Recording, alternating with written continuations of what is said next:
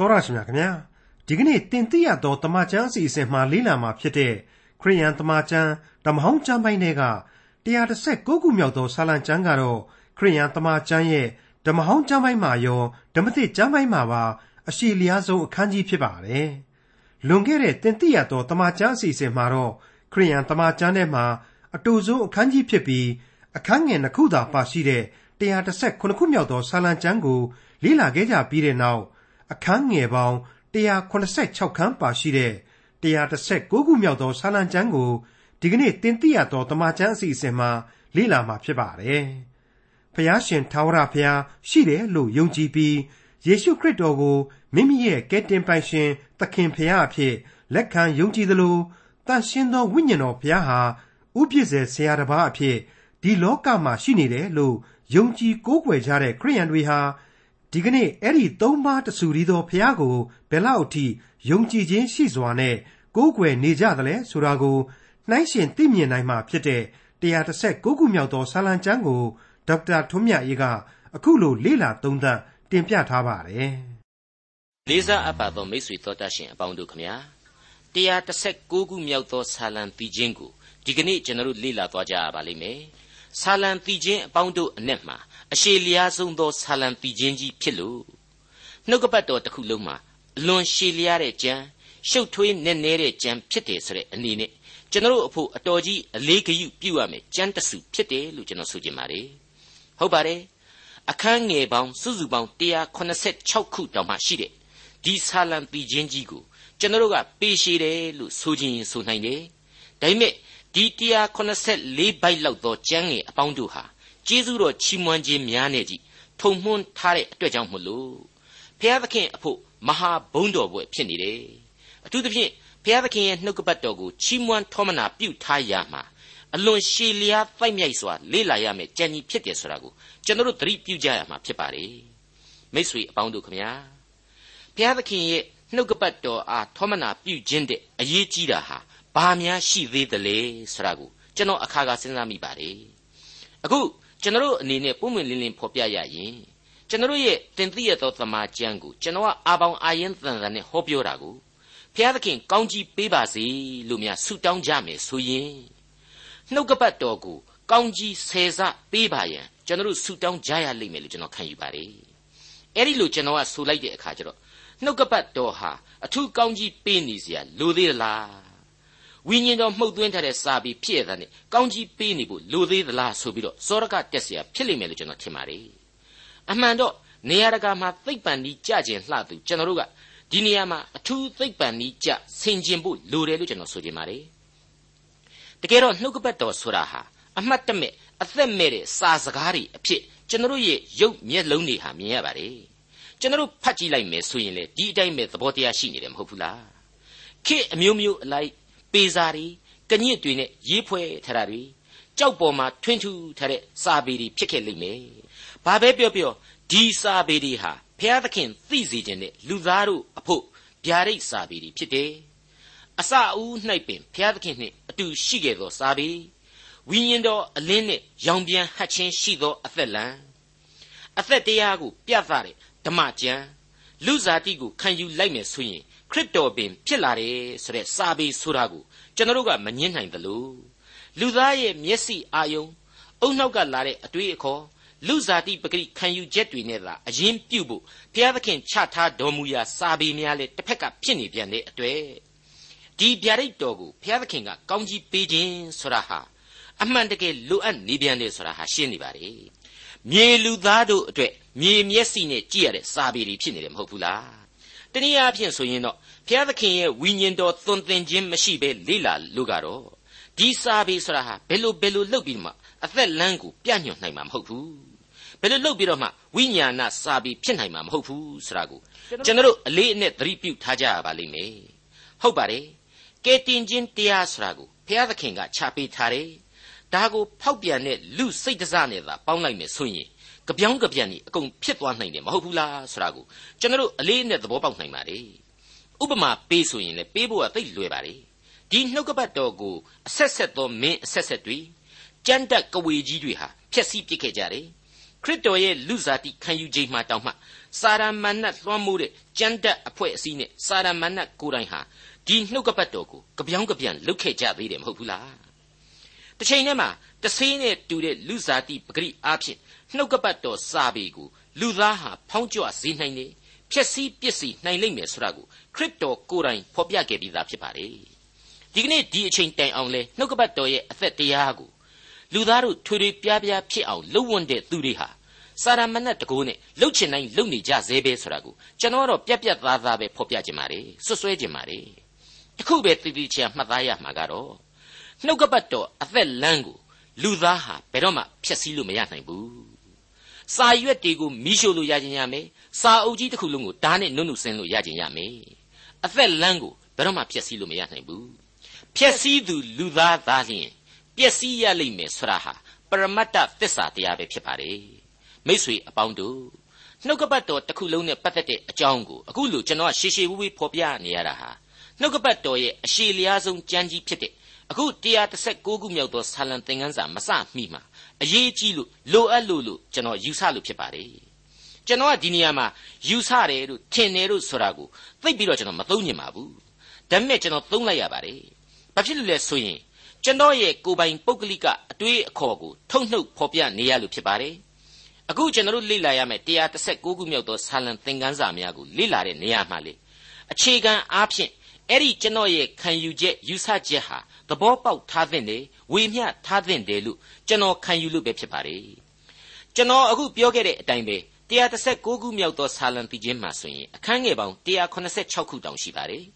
အဲ့ဒီ186ခုသောကျမ်းအခန်းငယ်တို့ကိုဣသရေလမူရင်းကပီးအခရာ22ခုဟာ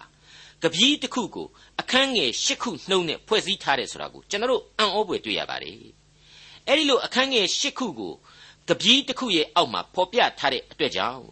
ရှစ်ကနန်းဟာအရေးကြီးတယ်လို့လေကျွန်တော်ကတစ်ဖက်ကခံယူမိပြန်ပါလေတခြားမဟုတ်ပါဘူးပသခါပွဲတော်တောက်ကြနေသို့မဟုတ်ဆဋ္ဌမနေ့မှာခရစ်တော်ဟာအသေးခံနေတတ္တမမြောက်သောသမိုင်းဝင်ဥပုပ်တော်နေ့မှာသေခြင်းတရားရဲ့အောက်မှာပဲဂူထဲမှာပဲကယ်တင်ရှင်ဟာကိန်းဝတ်နေခဲ့တယ်အထမမြောက်နေ့သို့မဟုတ်တနင်္ဂနွေနေ့မှာပြန်လေရှင်ပြန်ထမြောက်တော်မူတယ်ဆိုတာကိုကျွန်တော်အသိပဲမဟုတ်ဘူးလား ရက်တရပတ်ခုနှစ်ရက်ပြီးလို့ရှိရင်အဲ့ဒီရှစ်ရက်မြောက်လို့ကျွန်တော်သုံးတာဟာတရားဝင်တယ်လို့ကျွန်တော်ကတော့ပြက်ပြက်သားသားပဲဆိုချင်တယ်ဓမ္မသမိုင်းမှာလေအဲ့ဒီလိုပဲနေ့ရက်တွေ့ကိုတွက်လေရှိပါတယ်ဥပမာဘောဇင်ပူဇော်တက်ကာကိုတတ္တမဥပုပ်အလွန်နက်ဖြန်နေ့အထိအရက်90တိုင်ရေတွက်ရမယ်စသဖြင့်နှုတ်ကပတ်တော်ဟာဖော်ပြထားခဲ့တယ်မဟုတ်ဘူးလား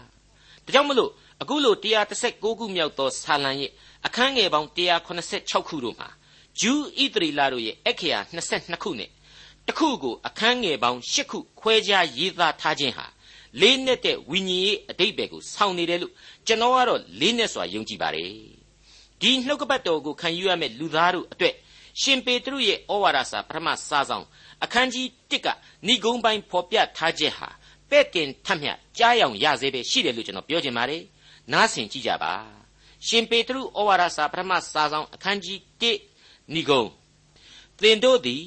ဖောက်ပြန်ပျက်စီးတတ်သော မျိုးစေ့အဖြစ်ဖြစ်ပွားသည်မဟုတ်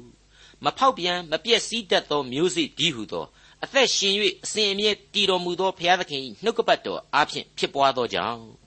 ညီအကိုများကိုချစ်အောင်မဆောင်အမှန်ချစ်ချင်းအလိုငှာစိတ်ထဲမှတမာတရားကိုနားထောင်လျက်ကိုယ်စိတ်နှလုံးကိုစင်ကြယ်စေပြီးသည်နှင့်အညီစင်ကြယ်သောစိတ်နှင့်အချင်းချင်းအာကြီးသောချစ်ချင်းမေတ္တာရှိကြလော့ လူမျိုးရှိသမျှသည်မြက်ပင်ကဲ့သို့ဖြစ်၏လူမျိုးဤဘုံရှိသမျှသည်လည်းမြက်ပွင့်ကဲ့သို့ဖြစ်၏မြက်ပင်သည်ညှိုးနွမ်းသွေးချောက်တတ်၏အပွင့်လဲကြွေတတ်၏ထာဝရဘုရား၏နှုတ်ကပတ်တရားတော်မူကားကာလအစဉ်အမြဲတည်၏ထိုနှုတ်ကပတ်တော်သည်သင်တို့အားဟောပြောသောဧဝံဂေလိတရားဖြစ်သည်ရှင်းမနေဘူးလားသွေးချောက်တတ်တဲ့လူသားရဲ့ဘဝမရေရာခြင်းများစွာနဲ့ရှင်သန်ရတဲ့လူဘဝ ရိမ့်ွယ်ပါဖြစ်ရလှတဲ့လူဘဝမှာအာကိုခိုလှုံစရာရေလို့နှုတ်ကပတ်တော်သားလျင်ရှိပါတယ်ဒီနှုတ်ကပတ်တော်တဲမှာမှအခုလို136ခုမြောက်သောဆာလံရဲ့သင်ခန်းစာအပေါင်းတို့ဟာမိษွေတို့အတွက်ကောင်းမွန်သောဝိညာဉ်စွန့်ပကားများကိုပေးစွန့်နိုင်ပါစေလို့ကျွန်တော်ဆုတောင်းရင်းနဲ့ဒီကနေ့ကြံ့အတိုင်းသင်ခန်းစာများကိုစတင်လိုက်ပါတယ်ပထမဦးဆုံးစတင်ရမှာကတော့ Aleph လို့ခေါ်တဲ့ဟေပြဲအခရာစာလုံးအမှတ်1ရဲ့အောက်မှာဖော်ပြထားတဲ့ ကျမ်းပိုင်းတွေကအရေးအကြီးဆုံးအချက်နှစ်ချက်ဖြစ်ပါတယ်136ခုမြောက်သောစာလံအငယ်1နဲ့2ထာဝရဘုရား၏တရားလမ်း၌မလွဲမတိမ်လိုက်သွားသောသူတို့သည် မင်္ဂလာရှိကြ၏သက်သေခံတော်မူချက်တို့ကိုစောင့်၍ကိုတော်ကိုစိတ်နှလုံးအကျွင့်မဲ့ရှာသောသူတို့သည်မင်္ဂလာရှိကြ၏မင်္ဂလာရှိသောသူဆရာဟာကယ်တင်ရှင်ရဲ့နောက်တော်ဘာကလူဖြစ်ပါတယ်ပ ထမမြောက်သောဆာလံမှာကလေးကဖော်ပြခဲ့ပြီးဖြစ်သောမင်္ဂလာရှိသောသူပါမိတ်ဆွေအပေါင်းတို့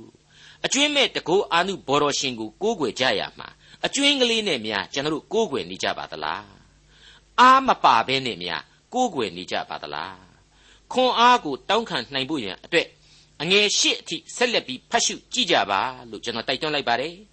ကျွန်တော်ကတော့အခုအချိန်မှာအမှတ်နှစ်အပိုင်းဖြစ်တဲ့ဟေဘရဲဒုတိယအခရာဖြစ်တဲ့ ဘက်ရဲ့အပိုင်းကိုဆက်လက်တင်ပြသွားခြင်းပါတယ်139ခုမြောက်သောဆာလံအငယ်6မှ7လူပြိုသည်မိမိသွားသောလမ်းကိုအဘယ်သို့တန်ရှင်းစေနိုင်ပါမည်နည်းဟုမူကားနှုတ်ကပတ်တော်အတိုင်းသတိပြုရမည်အကျွန်ုပ်သည်ကိုတော်ကိုစိတ်နှလုံးအကျွင့်မဲ့ရှာပါ၏ပြည့်ညတ်တော်လမ်းမှလွဲစေတော်မမူပါနှင့်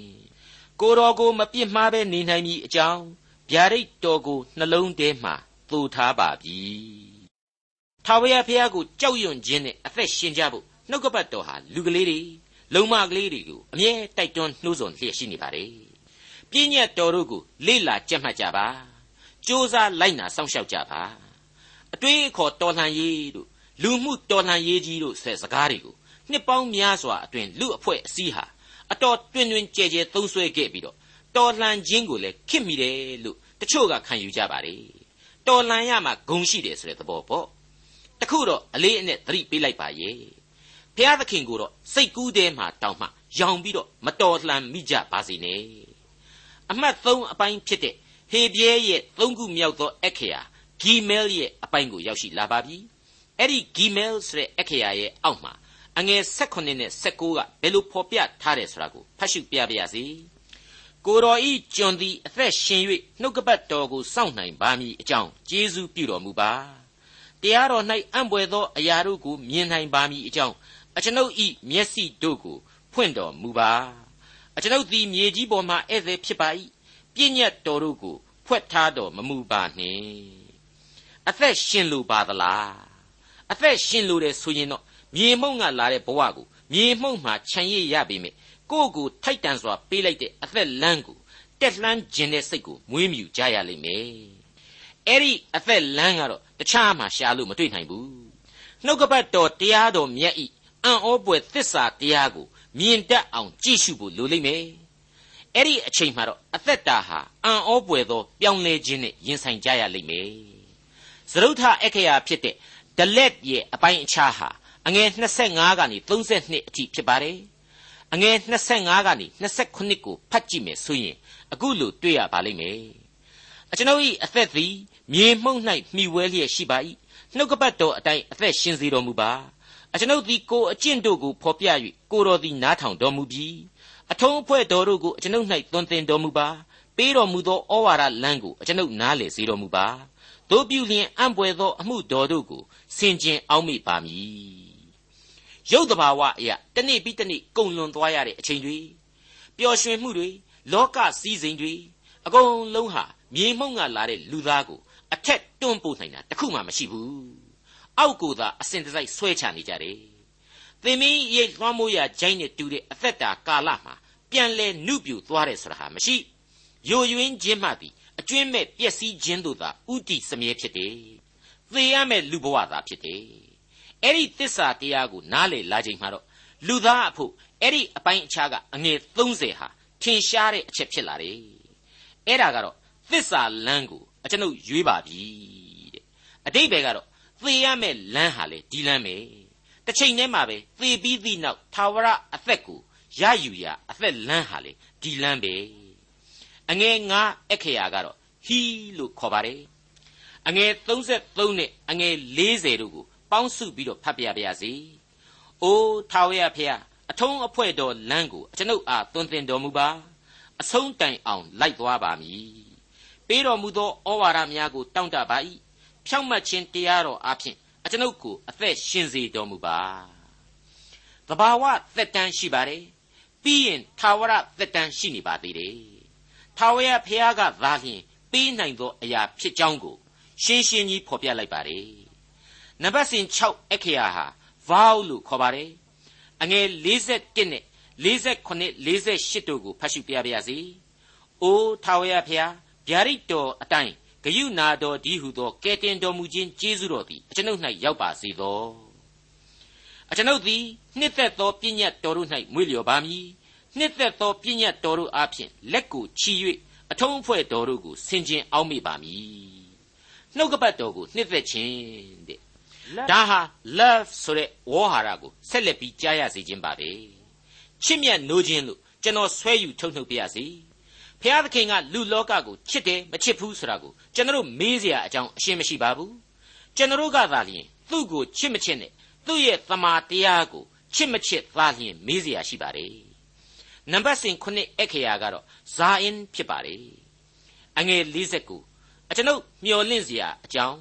ကိုတော်ဤကျွန်၌ထားတော်မူသောနှုတ်ကပတ်တော်ကိုအောက်မေ့တော်မူပါ hope ဆိုတဲ့မျှော်လင့်ချက်ဆိုတာဟာလူသားတိုင်းမှာရှိနေပါတယ် ကိုသိရင်ဘာဖြစ်မလဲဆိုတဲ့ကြောက်စိတ်နဲ့အတူရှင်သန်ခြင်းဆိုတာကိုလူသားတိုင်းလူသားတိုင်းမျှော်လင့်ပါတယ်အဲ့ဒီလူဘဝမျှော်လင့်ခြင်းကိုနှုတ်ကပတ်တော်အားဖြင့်သာလျှင်ထာဝရဘုရားဟာပြေဝစွာချထားပေးလိုက်ပါတယ်ဒီနောက်မှာတော့ရှစ်ခုမြောက်သောဟေပြဲအခရာဖြစ်တဲ့ chat လို့ခေါ်တဲ့အခရာစဉ်အောက်မှာလေ့လာနိုင်ဖို့ရန်အတွက်အငယ်58နဲ့64ကိုဖတ်ရှုပြပါရစေ။အိုးထာဝရဖျား ကိုတော်သည်အကျွန်ုပ်၏အဖို့ဖြစ်တော်မူ၏နှုတ်ကပတ်စကားတော်တို့ကိုနားထောင်ပါမည်ဟုအကျွန်ုပ်ပြောထားပါပြီ။အိုးထာဝရဖျားမြေကြီးသည်ဂယုနာတော်နှင့်ပြေဝပါ၏အထုံးအဖွဲ့တော်တို့ကိုအကျွန်ုပ်၌သွန်သင်တော်မူပါ။ကျွန်တော်ဟာသေကိုသေကြရမယ်မြေသားဖြစ်တယ်အဲ့ဒီမြေသားဟာမြေပေါ်မှာမျောလင့်ခြင်းနဲ့ရှင်သန်နေရစဉ်မှာကလေးကဂယုဏတော်များကိုအပြည့်အဝခံစားကြရစမြဲပါဟုတ်ပါတယ် ဖန်ဆင်းတော်မူခြင်း၌ပင်လျင်ဂယုဏတော်သည်တည်ရှိမြဲဖြစ်တယ်ဖန်ဆင်းတော်မူခြင်းဤအစ၌ပင်ဂယုဏတော်ကြောင့်ဖန်ဆင်းခြင်းရှင်းပါတယ်နော်အိုးထာဝရဖျားမြေကြီးသည်ဂယုဏတော်နှင့်ပြည့်ဝပါ၏အထုံးအဖွဲ့တော်တို့ကိုအကျွန်ုပ်၌သွန်သင်တော်မူပါဘလောက်ထူးဆန်းအံ့ဩဖို့ကောင်းတယ်လေမိษွေတော်တတ်ရှင်အပေါင်းတို့ခမညာအခုအချိန်မှာတော့တက်လို့ခေါ်တဲ့ ကိုးခုမြောက်သောဟေပြဲအခရာစဉ်အောက်မှာအငယ်65ကနေ82အထိပါဝင်ပါတယ်အဲ့ဒီထဲကအငယ်69နဲ့80မှာအခုလိုဆိုဖွဲ့ထားပါတယ်မာနကြီးသောသူတို့သည်အကျွန်ုပ်တစ်ဖက်၌မှုသာစကားကိုကြံစီတော်လေကိုရောဤဥပရိသများကိုစိတ်နှလုံးအကျွင့်မဲ့ကျင့်ပါ၏သူတို့နှလုံးသည်စီဥကဲ့သို့ခဲလျက်ရှိ၏အကျွန်ုပ်မူကားကိုတော်ဤတရား၌မွေ့လျော်ပါ၏အထုံးဖွဲ့တော်တို့ကိုတွင်တင်စေခြင်းဟာ အကျွန်ုပ်ဆင်းရဲခံရသောကျေးဇူးသည်ကြီးပါ၏နှုတ်တော်အတွက်တရားတော်သည်ရွှေငွေအထောင်အသောင်းတက်မကအကျွန်ုပ်၌သာ၍ကောင်းပါ၏နှုတ်ကပတ်တော်မြတ်ကိုဆန့်ကျင်သူဖောင်းကြွဖျက်ဆီးပြစ်သူပြည့်ရပြုသူတွေအကုန်လုံးဟာဇာတိပဂရိမာနသမားတွေဖြစ်တယ်စာရန်ဘက်တော်သားတွေဖြစ်တယ်ဒါကြောင့်မို့အဲ့ဒီလူသားတွေရဲ့နှလုံးသားတွေဟာအစီပိတ်ပြီးသေရလိမ့်မယ်ဆိုတာကိုပြောလိုက်ပါတယ်ဒီကနေ့ဒီကဘာမှာ အဲ့ဒီ cholesterol လို့ခေါ်တဲ့အစီအုပ်ကနေပြီးတော့ thrombosis လို့ခေါ်တဲ့သွေးကြောမှာအစီပိတ်ပြီးတော့သေချေနေကြတာတွေဟာအများဆုံးပဲလို့ဆိုပါတယ်ဝက်သားဘဲသားနဲ့အစီအစိမ့်တွေဟာအဓိကယောဂရဲ့တရားခံပဲလို့သိပ္ပံပညာရှင်တွေကရှာဖွေတွေ့ရှိထားပါတယ်ဆာလံဆရာကတော့ဥပရိသနဲ့ပြည့်ညတ်တော်တို့ကိုစော်ကားမော်ကားပြုတဲ့မာနသမားတွေကိုပို့ပြီးတော့သတိထားကြဆိုပြီးတော့ပြင်းထန်စွာသတိပေးလိုက်ပါတယ်ဆယ်ခုမြောက်သောအခရာကတော့ George ဆိုတဲ့အခရာဖြစ်ပါတယ်အငယ်83ကိုနားဆင်ကြည့်ကြပါစို့ကိုတော်ဤလက်တို့သည်အကျွန်ုပ်ကိုဖန်ဆင်း၍ပုံတရံကိုပေးတော်မူပြီးပြည့်ညတ်တော်တို့ကိုအကျွန်ုပ်သင်နိုင်သောဉာဏ်နှင့်ပြည့်စုံစေတော်မူပါစောစောပိုင်းတုန်းကပဲမာမာနသမားတွေအန်ဒီယေကိုဖော်ပြခဲ့သေးတယ်အခုရုပ်အစင်းတရံဘလောက်ပဲလှနေနေပြည့်ညက်တော်တို့ကိုနားမလည်ရင်တော့အလကားပဲတဲ့အသက်တာဟာအကြီးတန်းသွားရလိမ့်မယ် 17ခုမြောက်သောအခရာဖြစ်တဲ့ Kef အတွက်အငယ်83ကဖော်ပြချက်ကိုနားဆင်ကြကြပါမိကို၌ရှိသောတရေဘူးကဲ့သို့အကျွန်ုပ်ဖြစ်ပါ၏သို့တော်လည်းအထုံးအဖွဲ့တော်တို့ကိုမမေ့မလျော့ပါဆိုပြီးတော့ဖော်ပြထားပါတယ်အပြစ်တရားနဲ့လူသားရဲ့ဘဝဟာသဘာဝလူသားပြီးပြီးအပြစ်ရဲ့အဖို့အခအတိုင်းစီရင်ခြင်းကိုခံရတယ်ဒါပေမဲ့နှုတ်ကပတ်တော်ကိုမမေ့ကြပါနဲ့ဖျားသခင်စောင့်ထိန်တော်မူလိမ့်မယ်ဆိုတဲ့အကြောင်းကိုဆာလံဆရာဟာရှင်းရှင်းလေးဖော်ပြလိုက်ပါတယ် ၁၂ခုမြောက်သောအခရာဟာလာမက်ဖြစ်ပါတယ်အငယ်89ကိုအဲ့ဒီအခရာရဲ့ဂန္ဓကိုစားပြုကျမ်းအဖြစ်တင်ပြရမယ်ဆိုရင်တော့အိုးထာဝရဖျားနှုတ်ကပတ်တော်သည်ကောင်းကင်ဘုံ၌အစဉ်အမြဲတည်ပါ၏တဲ့ဟုတ်ပါတယ်နှုတ်ကပတ်တော်သည်အစာဦး၌ပင်ဘုရားသခင်နှင့်အတူရှိခဲ့ကြောင်းကိုကျွန်တော်တို့နားလည်ခဲ့ကြပြီးပါပြီလူဇာတိကိုခံယူလိုက်ချိန်မှာဘုရားသခင်ဤသားတော်ပင်ဖြစ်လာခဲ့ပါတယ်ရုတ်တရက်နဲ့ဖြစ်အောင် လူသားတွေခံယူနိုင်ဖို့ရန်အတွက်စာရွက်တွေပေါ်မှာပုံနှိပ်ထားတော့စာအုပ်ကြီးတအုပ်ဆိုပြီးတော့ပြောချင်ရင်ပြောလို့ရပါတယ်ဒါပေမဲ့အသက်လမ်းပါဝင်နေတယ်ဆိုတာကိုဝိညာဏအလင်းရှိသူတိုင်းနားလေတယ်ဝိညာဏအလင်းရှိနေကြောင်းကိုလေအသက်လမ်းကိုရှာဖွေသူတိုင်းသိကိုသိထားကြပြီးသားဖြစ်တယ်လာမဲ့ပြီးတဲ့အခါမှာတော့ mem ဆိုတဲ့အခရာစဉ်ဖြစ်လာပါတယ်အငယ်69နဲ့100မှာဖော်ပြချက်ကိုနားဆင်ကြည့်ကြပါ သက်သေခံတော်မူချက်တို့ကိုအကျွန်ုပ်သည်ဆင်ခြင်အောက်မေ့သောကြောင့်အကျွန်ုပ်၏ဆရာအပေါင်းတို့တဲ့သာ၍နားလေပါ၏ကိုရော၏ဥပရိသများကိုစောင့်သောကြောင့်အသက်ကြီးသူတို့တဲ့သာ၍ညံကောင်းပါ၏သစ္စာတရားဖြစ်ပါတယ်ဘာသာရေးပွဲတူးဂုံတူးကြီးတွေကိုကြွားခြင်းဝါခြင်းလို့ယူထားပြီးတော့လက်ရလက်ရလျှောက်ပြီးမလုပ်ပါနဲ့အရေးအကြီးဆုံးဟာတရားတော်၌မွေ့လျော်ဖို့တရားတော်ကိုနေညမပြတ်ဆင်ခြင်အောက်မေ့ဖို့နဲ့ အသက်လမ်းကိုရှာဖွေတွေ့ရှိဖို့သာဖြစ်ပါတယ်14ခုမြောက်သောအက္ခရာဟာနန်းဆိုတဲ့အက္ခရာဖြစ်ပါတယ်ကျွန်တော်အလွတ်နီးပါးမျှရနေကြတဲ့အငယ်105ပါနှုတ်ကပတ်တော်သည်အကျွန်ုပ်ခြေရှိမှမိကွက်ဖြစ်၍အကျွန်ုပ်လမ်းခရီးကိုလင်းစေပါ၏တဲ့တူးချင်းအတွက်အသက်လမ်းဖြစ်ပါတယ်မှောင်မိုက်ကဘာမှာသေချေပျက်စီး၍မကြံရစ်ဖို့နှုတ်ကပတ်တော်သားလျင်အားကိုးစရာရှိနိုင်ပါ रे 15ခုမြောက်သောအက္ခရာကိုဆာမက်လို့ခေါ်ပါတယ် အငယ်138ကိုနားဆင်ကြည့်ပါအကျွန်ုပ်သည်ချမ်းသာရပါမည်အကြောင်းမဆတော်မူပါအထုံးအဖွဲ့တော်တို့ကိုအစဉ်အမြဲထောက်ရှုပါမည်လို့ဖော်ပြထားပါတယ်အစဉ်အမြဲတည်သောကောင်းကင်အမွေသာဝရအသက်အတွက်ဘုရားသခင်ရဲ့ကယ်တင်ခြင်းတရားကိုအစဉ်အမြဲယုံကြည်ဖို့တော့လိုလိမ့်မယ်အိမ်လို့ခေါ်တဲ့အခရာစင်ဟာအမှတ်16ဖြစ်ပါတယ်အငယ်126အိုးထာဝရဘုရားစီရင်တော်မူခြင်းရောက်ပါပြီ သူတစ်ပါးများတို့သည်တရားတော်ကိုပယ်ကြပါ၏တဲ့သူများကိုဒါကြောက်တွန်းတာမဟုတ်ပါဘူးနော်မှောင်မိုက်လူကဘာမှာသစ္စာတရားထွန်းကားစေပါလို့ဆာလံဆရာနဲ့အတူကျွန်တော်ဆူတောင်းဖို့လိုအပ်ကြောင်းဆာလံတီချင်းဟာသွန်သင်ပေးလိုက်ခြင်းပဲအမှတ်16အခရာဟာပီးလို့ခေါ်ပါတယ်အငယ်129နဲ့130ကိုနားဆွင့်ကြည့်ကြပါသက်သေခံတော်မူချက်တို့သည်အံ့ဩပွေဖြစ်၍အကျွန်ုပ်ဝိညာဉ်သည်စောင့်ရှောက်တတ်ပါ၏ နှုတ်ကပတ်တော်ကိုဖွင့်ပြခြင်းသည်အလင်းကိုပေး၍မလိမ္မာသောသူတို့ကိုလိမ္မာစေတတ်ပါ၏ထာဝရဘုရားမရှိဘူးလို့ထင်နေတဲ့လူမိုက်တွေ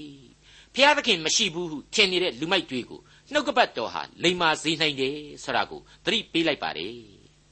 တဇာတိလို့ခေါ်တဲ့16ခုမြောက်သောဟေဘရဲအခရာအပိုင်းမှာအငယ်138ကိုအခုလိုတွေ့ရပါတယ်။အိုးထာဝရဘုရားကိုတော်သည်ဖြောက်မှတ်တော်မူ၏ စီရင်တော်မူချက်တို့သည်ဖြောက်မှတ်ကြပါ၏တဲ့။ဟုတ်တယ်။ဘုရားသခင်ဟာအစဉ်အမြဲမှန်ကန်တယ်ဖြောက်မှတ်တယ်။ဘုရားသခင်ရဲ့တရားစီရင်တော်မူခြင်းအကြောင်းကိုနားမလည်ဘူးဆိုရင်ကိုညံ့လို့နားမလည်ဘူးလို့သာသဘောထားလိုက်။ကိုညံ့မမိနိုင်လို့သာခံယူလိုက်။ဘယ်တော့မှပြည့်မီအောင်နားလေမလဲဆိုရင်လေဘယ်တော့မှဒီညံတော်အနန္တကိုမမိနိုင်ဘူးဘယ်တော့မှလေယာနှုံးပြည့်ပြည့်မီအောင်နားလေနိုင်မှာမဟုတ်တဲ့အကြောင်းကို သိထားကြပြီတော့လို့ဆာလံဆရာအားဖြင့်ကျွန်တော်တို့နားလေရတယ်အခု16ခုမြောက်သောအခရာအဖြစ် cough ဆိုတဲ့အပိုင်းအခြားမှာအငယ်145နဲ့146တို့ပါဝင်ပါတယ်အကျွန်ုပ်သည်စိတ်နှလုံးအကျွင့်မဲ့အော်ဟစ်ပါ၏အိုထာဝရဘုရားနားထောင်တော်မူပါအထုံးအဖွဲ့တော်တို့ကိုစောင့်ပါမည်ကိုတော်ကိုအော်ဟစ်ပါ၏ကဲတင်တော်မူပါသက်သေခံတော်မူချက်တို့ကိုစောင့်ပါမည် အမှန်တကယ်ကဲတင်ခြင်းကျေးဇူးရဲ့အရသာကိုခံယူရပြီဆိုရင်ဒီနှုတ်ကပတ်တရားတော်ဟာကိုယ့်ဘဝရဲ့အဓိကအာဟာရအဖြစ်ပြောင်းလဲသွားရတယ်ကိုဟာအံ့ပွေသောဝိညာဏတတ္တိတို့နဲ့အင်အားတွေအလိုလိုပြည့်စုံကြွယ်ဝလာလိမ့်မယ်20ခုမြောက်သောအခရာဟာ rest လို့ခေါ်ပါတယ်အငယ်154အကျွန်ုပ်အမှုကိုစောင့်၍အကျွန်ုပ်ကိုရွေးနှုတ်တော်မူပါဗျာဒိတ်တော်အဖြစ်အသက်ရှင်စေတော်မူပါတဲ့ကျွန်တော်ရဲ့အသင်းတော်ကြီးတွေမှာ revival လို့ခေါ်တဲ့ပြန်လဲနိုးကြားရေးအစီအစဉ်တွေလှုပ်လေလှုပ်တာရှိပါတယ်ဗျာဒိတ်တော်ဖြစ်တဲ့နှုတ်ကပတ်တရားတော်အပေါ်မှာသာအခြေခံပြီးတော့ပြန်လဲနိုးကြားရေးကိုလှုပ်လို့ရနိုင်ပါတယ်နှုတ်ကပတ်တော်မရှိရင်ပြန်လဲနိုးကြားခြင်းလည်းမရှိအသက်လန်းလည်းမရှိနိုင်ပါဘူး21ခုမြောက်သောအခရာကတော့ချင်းလို့ခေါ်ပါတယ်အငယ်161ကိုနားဆင်ကြည့်ကြပါအစိုးရသောသူတို့သည်အကြောင်းမရှိဘဲအကျွန်ုပ်ကိုညှင်းဆဲကြတော်လေ အကျွန်ုပ်စိတ်နှလုံးသည်စကားတော်ကိုကြောက်ရွံ့ပါ၏တဲ့ခရစ်တော်ရဲ့အသက်တာနဲ့ခရစ်တော်ရဲ့နောက်တော်ပါလူသားများအတွက်ရည်ညွှန်းနေပါတယ်အလိုတော်သည်ကောင်းကင်ဘုံ၌ပြည့်စုံတဲ့ကဲ့သို့မြေကြီးပေါ်မှာပြည့်စုံဖို့ကိုယုံကြည်သူတို့ဟာအစဉ်တစိုက်အဓိကထားကြရပါလိမ့်မယ်22ခုမြောက်သောနောက်ဆုံးဟေပြဲအခရာကတော့တောဆိုတဲ့အခရာပါပဲပျောက်သောသိုးကဲ့သို့အကျွန်ုပ်သည်လမ်းလွဲပါပြီကိုတော်ဤကျွန်ကိုရှာတော်မူပါ အကျွန်ုပ်သည်ပြည့်ညတ်တော်တို့ကိုမမေ့မလျော့ပါဟုတ်ပါတယ်မိษွေတော်တတ်ရှင်အပေါင်းတို့နှုတ်ကပတ်တော်ကိုဖတ်ရကြပါယင်ထဲမှာသိမ့်စီတူဖွဲ့ထားကြပါလက်ကျက်စောင့်ထင်းကြပါမှားမိလွန်းလို့စိတ်ပြည့်ရတဲ့လူဘဝမှာကယ်တင်ရှင်သခင်ခရစ်တော်ဆိုတဲ့သိုးရင်းကြီးဟာအမြဲဆယ်ယူကယ်မသွားပါလိမ့်မယ်လက်တော်နဲ့ပို့ဆောင်ကောင်းကြီးပေးပါလိမ့်မယ်လိုလေသေးဘာမျှရှိမယ်မဟုတ်ပါဘူး ဒေါက်တာထွန်းမြတ်ရေးစီစဉ်တင်ဆက်တဲ့တင်ပြတော်တမချန်းအစီအစဉ်ဖြစ်ပါတယ်နောက်တစ်ချိန်အစီအစဉ်မှာခရိယန်တမချန်းဓမ္မဟောင်းကျမ်းပိုင်းမှာပါရှိတဲ့အခု120မြောက်သောစာလံကျမ်းကိုလေ့လာမှဖြစ်တဲ့အတွက်စောင့်မျှော်နားဆင်နိုင်ပါတယ်